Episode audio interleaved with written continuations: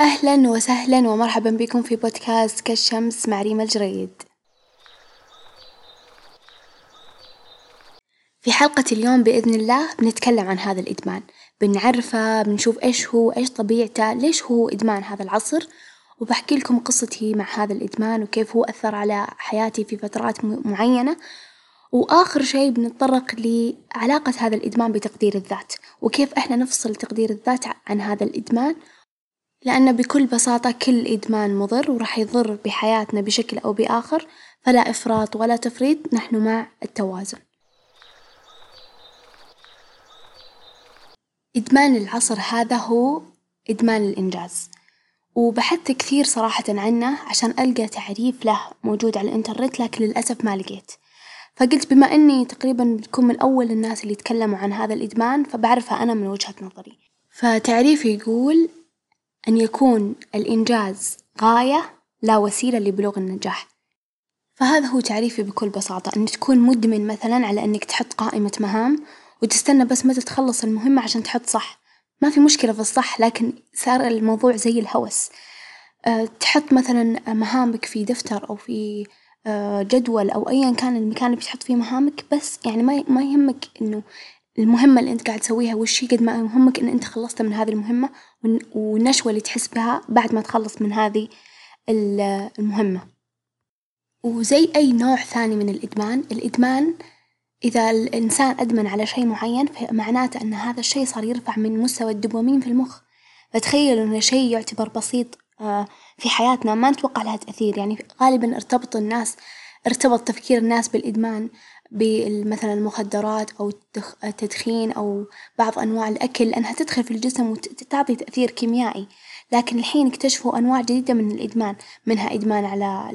الأفلام أو إدمان على مثلا الألعاب الجيمز اللي هي ألعاب الفيديو أو الحين حتى إدمان الإنجاز، فهي كلها أشياء تعتبر معنوية أو إنه خارج ما تلمس الجسم بشكل مباشر أو ما تدخل في الجسم إلا إنها تسبب هذا الإدمان، فتخيلوا قديش الخطورة اللي قاعدة تصير.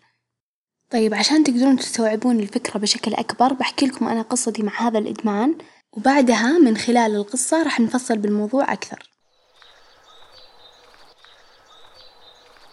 في فترة المدرسة اللي هي فترة الثانوي والمتوسط كنت طالبة جدا عادية متفاعلة والمدرسات يحبوني لإني أشارك كثير لكن في الاختبارات مثلا وفي درجاتي كانت مستوى درجاتي تعتبر ممتاز لكن مو ممتاز مرتفع، يعني تقريبا كنت أجيب تسعين تسعة وثمانين واحد وتسعين ثلاثة وتسعين كان تقريبا درجاتي في هذا المتوسط، ومع إني كنت عارفة لو بق لو بشد حيلي شوي لو بذاكر أكثر كنت بقدر أجيب درجة أعلى، كنت بقدر أصير من الأوائل، إلا إنه ما كان في دافع يحفزني على إني مثلا أجي أصير من الأوائل أو إني أجيب درجات أعلى، ما أدري يعني أحس إن كأني كنت في عالم آخر، البنات كانوا وقتها معاي في المدرسة قاعد يشدون حيلهم عشان مثلا يبغون يدخلون جامعة أو شي، أنا ما أدري وين كنت صراحة، كنت أعرف إني بدخل الجامعة ما أدري وش هذي الثقة،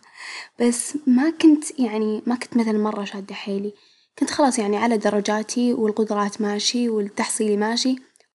في فترة تقريبا ثالث ثانوي صار لي موقف غير من غير من تفكيري وزرع عندي الدافع بشكل كبير، الموقف وش هو؟ أنا تقريبا في ثالث ثانوي الترم الأول كثر غيابي وكثر نومي في الحصص وكثر مثلا درجاتي نزلت والمدرسات بدأوا يوصلون كلام للمنشدة الطلابية يقولون شوفي البنت شكلها يعني يعني كلميها شوفي إيش وضعها لأن كثر كاثر غيابها، المهم جت المرشدة نادتني يعني غيابي مرة كان كثير ومعدلي نازل وكل شي، جلست تكلمني قالت لي وش فيك؟ إنه ليش يعني صار غيابك كثير وكذا؟ هل إنتي مثلا تعبتي مثلا ذا الفترة أو شي؟ قلت لها لا إنه أنا بس يعني طفشت أبي أتخرج، ما أدري ليش صراحة بس كذا جاني شعور اللي خلاص أبي أتخرج أبي أخلص من أبي أفتك من المدرسة، أنا ما أدري صراحة ليش للحين مو فاهمة ليش جاني هذا الشعور مع إن الثانوية كانت مرة مرحلة حلوة، المهم فهي قالت لي ريما خلاص يعني ترى إنتي ثالث الحين خلاص الترم الأول الحين قرب يخلص والثاني الحين بيبدأ وتتخرجين، يعني شوفي الوقت يمر بسرعة والدنيا تمشي بسرعة، فخلاص يعني يعني قصدها في آخر سنة شدي حيلك وجيبي درجات كويسة وأثبتي نفسك. يعني بالنهاية هذا الوقت بيمر، المهم أنا صدق كلامها شوي وعاني، بعدين قعدت أقارن نفسي. أشطر بنت في الفصل، كان عندنا ما شاء الله تبارك الله بنت في الفصل. سعودية عشان ما تقولون والله جنسية ثانية. لا سعودية مثلي، ونسبتها ما شاء الله تبارك الله مية بالمية تخيلوا، وقعدت أقارن نفسي فيها، تخيلوا إن هي أول اختبار اختبرته جايبة درجة مرة نازلة مرة مرة مرة نازلة، وأنا أول اختبار اختبرته جايبة درجة أعلى منها مع إن هي مذاكرة تقريبا شهر كامل وأنا ما ذاكرت إلا ليلة الاختبار ما أدري يوم الاختبار، قعدت أقول ريما الحين الاختبار القدرات اللي قاعد يقوس ذكاء العقل والقدرات العقلية والتفكيرية أنت جايبة أعلى من درجة البنت اللي أشطر واحدة معاك في الفصل، فإيش ناقصك أنت يا ريما عشان ما تجيبين درجات مثلها في المدرسة؟ يعني أنا مع إنه ما ما ما دائما ما أحلم بالمية بالمية، دائما أحلم بالدرجة العالية عالية بس مو بالمية بالمية لأن أحس المية تقيد الشخص وتحكره، وتمنعه مثلا إنه حتى يغلط ربع ولا يغلط نص، يعني هذي نظرتي للأمر، بس كنت أقول ليش ما لما تصيرين من الأوائل ليش ما تجيبين نسبة عالية؟ إيش ناقصك عن البنت؟ يعني كنت أقول أنتي أنتي أنتي وهذي البنت في نفس العمر، أنتي عقلك مو بناقص، عند يد عندك يد مثل ما عندها يد، عندك رجل مثل ما عندها رجل، إيش ناقصك عن البنت عشان ما تجيبين درجات أحسن؟ اللي ناقصك بس إنك تحتاجين تبذلين جهد أكثر، ابذلي جهد لو سمحتِ يا ريما، المهم فهذا الترم كان شوي صعب علي إني أرفع معدلي لأنه تقريبا قرب يخلص بس قدرت شوي ألحق على نفسي وأجيب على الأقل الدرجات اللي تنجحني أغلب المواد، والحمد لله ما عدى الترم الأول على خير، جاء الترم الثاني، الترم الثاني كان مختلف جدا، كنت على الربع أروح أناقش المدرسات، أنا ليش نقصت هذا الربع؟ وتشرح لي المدرسة لين تقنعني إنه صدق أنا أستاهل هذا النقص اللي نقصته، والحمد لله خلص الترم الثاني وجبت نسبة خمسة وتسعين، وكانت بالنسبة لي كأنها مية بالمية حرفيا. ليش؟ لأنه أول مرة في حياتي أجيب خمسة وتسعين، يعني قد جبت ثلاثة وتسعين قد جبت اثنين وتسعين قد جبت واحد وتسعين بس خمسة وتسعين هذي ما قد جبتها، المهم من بعد ما خلصت الثانوي ومريت المرحلة جاني شعور اللي أنا أقدر أجيب درجات عالية أقدر أكون متفوقة أقدر أناقش المدرسات على الربع وعلى النص، وأقدر أشرح للبنات الجزئيات اللي ما فهموها من المدرسة لأني والله شفت شرح على الإنترنت، ليش ليش ما أصير كذا دايما؟ يعني ليش مخلية هذا الشي بس آخر ترم؟ ليش ما أصير كذا دايما؟ تعرفون قديش لما لما جربت لذة الإنجاز هذي ما كنت أبغى أتركها، يعني كان وقتها لسه ما وصل الموضوع لمرحلة الإدمان، بس لما جربتها حبيتها فكنت أبغى أكررها دائما في حياتي، وكنت دائما خلاص ما دامني والله قادرة على إني أجيب درجة عالية ومعدل عالي ليش ما أجيبه دايما؟ ليش ليش أجيب درجة أقل وأنا أستاهل أكثر؟ المهم بعدها الحمد لله تخرجت من الثانوي دخلت الجامعة دخلت تخصص خدمة اجتماعية الحمد لله تخصص أنا أبغاه مرتاحة فيه وكل شي، فوضعي خلال الجامعة الحمد لله كل شي مهيأ لي إني أجيب درجة عالية الحمد لله يعني فضل الله طبعًا،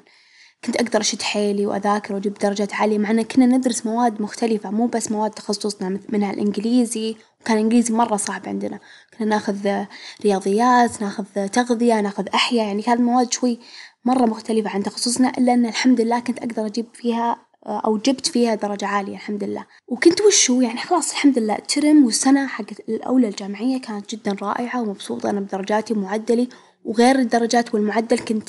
أتطوع وأحضر دورات وأشارك مع في مناسبات الجامعة. يعني مرة مرة كنت يعني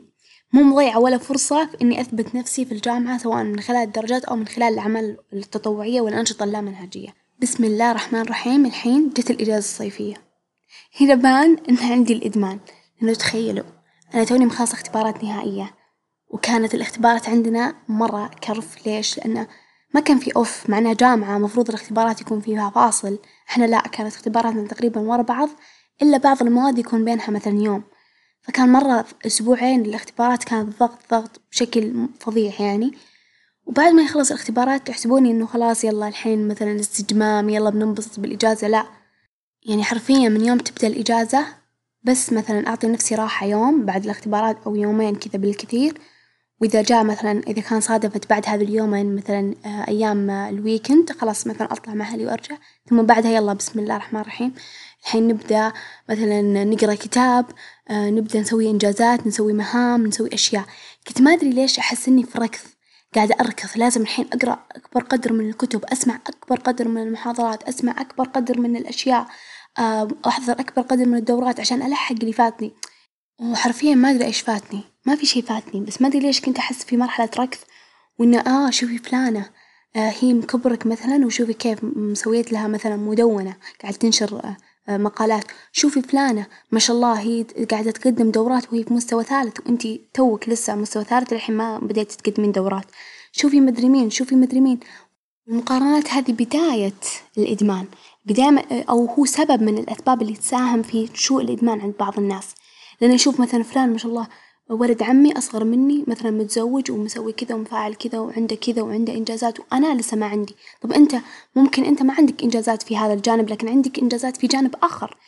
يعني في كثير ناس مثلا ما عندهم إنجازات في المجال المهني، تلقاه مثلا خلص دراسة ثانوي وما كمل جامعة، لكن تشوف كيف ما شاء الله علاقاته الاجتماعية كثيرة وعنده لو لو يرفع التليفون على أي أحد ممكن يجي الشخص هذا يساعده ويسوي له ويلبي اللي يبغى، ما عنده مثلا إنجازات في المجال الاجتماعي إلا مثلا عنده مجال إنجازات في في أسرته، شوف كيف مثلا أهله ما يقدرون يستغنون عنه مجرد ما يطلع طلعة بسيطة ويروح أمه ما تقدر تستغني عنه ولا أهله يقدرون يستغنون عنه، فإحنا إنجازاتنا وتأثيرنا في حياة الناس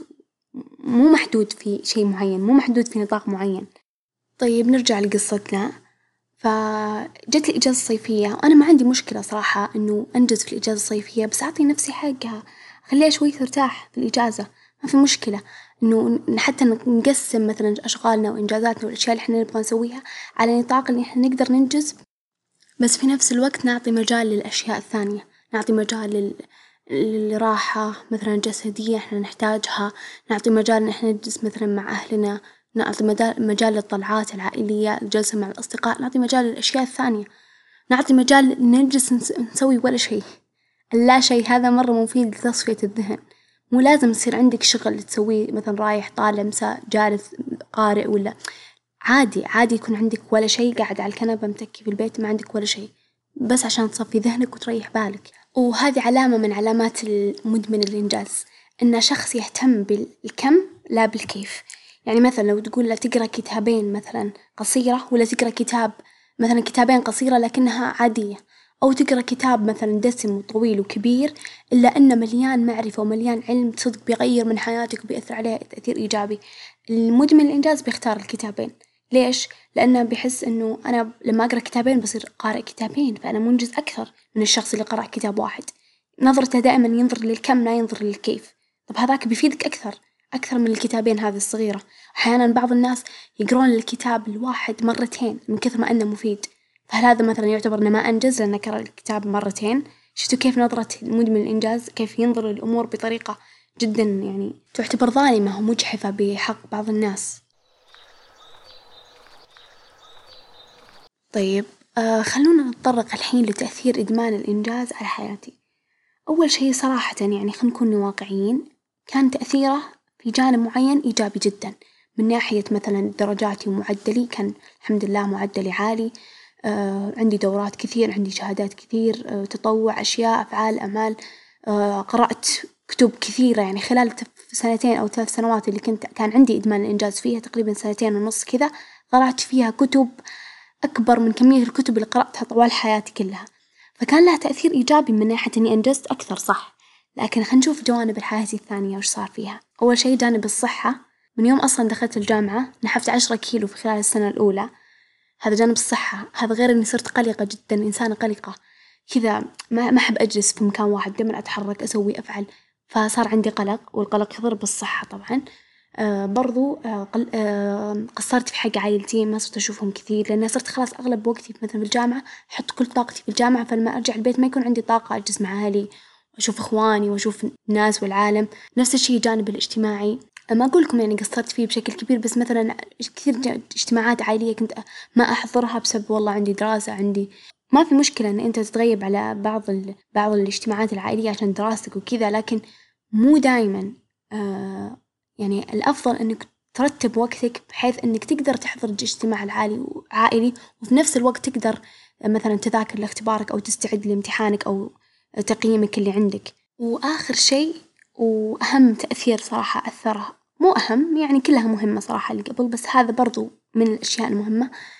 إنه أثر على نظرتي لذاتي وأثر على تقديري ذاتي، فصار وشو؟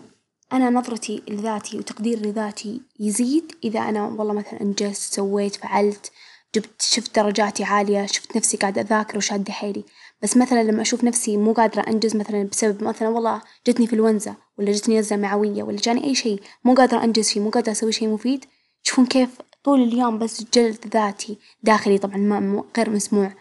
جلد ذاتي وإن أنتي وش هذا وش قاعد تسوين؟ قاعد تضيعين وقتك قاعدة تدم يعني كذا. نظرة ذاتية سيئة يعني نظرة سيئة للذات حرفيًا. بس لأني مو قاعدة مثلًا أسوي شي مفيد مو قاعدة أنجز مو قاعدة أفعل، فصارت نظرتي الإيجابية لنفسي مرتبطة بالإنجاز، أنا مجرد ما أنجز أنا خلاص نظرتي الإيجابية لذاتي بتكون موجودة،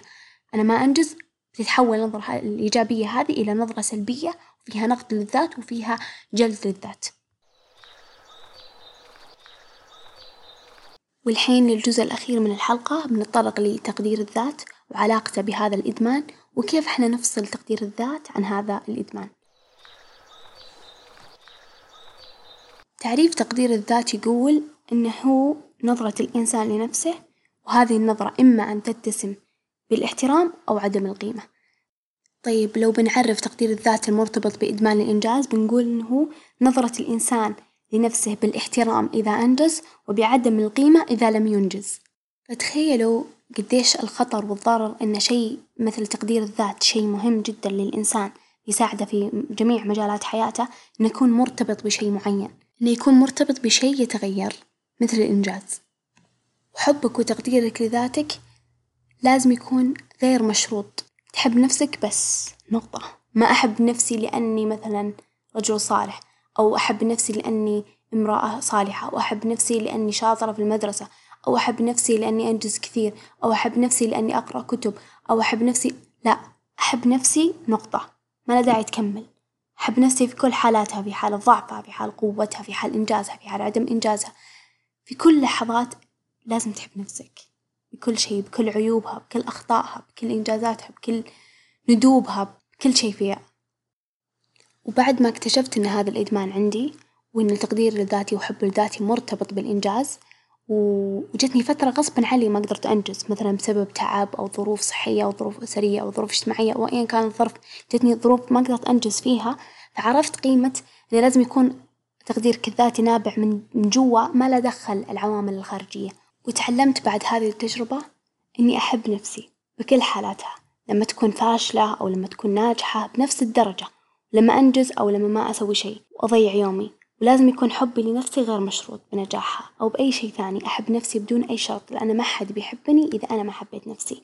تعلمت إني ما أكون قاسية على نفسي، لازم أكون لنفسي كل شي مو لأن الناس ما فيها خير لا. لأن الحياة تعطي كل شخص فرصة يحارب الحالة، وحب الذات وتقدير الذات الغير مشروط لا ينافي أبدًا إن أنا عندي أخطاء وأسعى إني أغيرها وأطورها وأحسن من نفسي، مو معناته مثلًا أنا والله أحب ذاتي معناته أن أخطائي مثلا غير قابلة للتشكيك أو غير قابلة للتصحيح أو غير قابلة للنقد، لا طبعًا. أنا أحب ذاتي وأعرف ومعترفة بمثلا إن عندي هذا الخطأ أو عندي هذا العيب وأحاول إني أحسن من نفسي كل يوم وأغير من نفسي للأفضل، حب الذات لا ينافي. التطوير والتغيير والتحسين للأفضل، وحبك لذاتك بالتالي بيخليك تنجز باعتدال أو تنجز بالشكل الصحيح.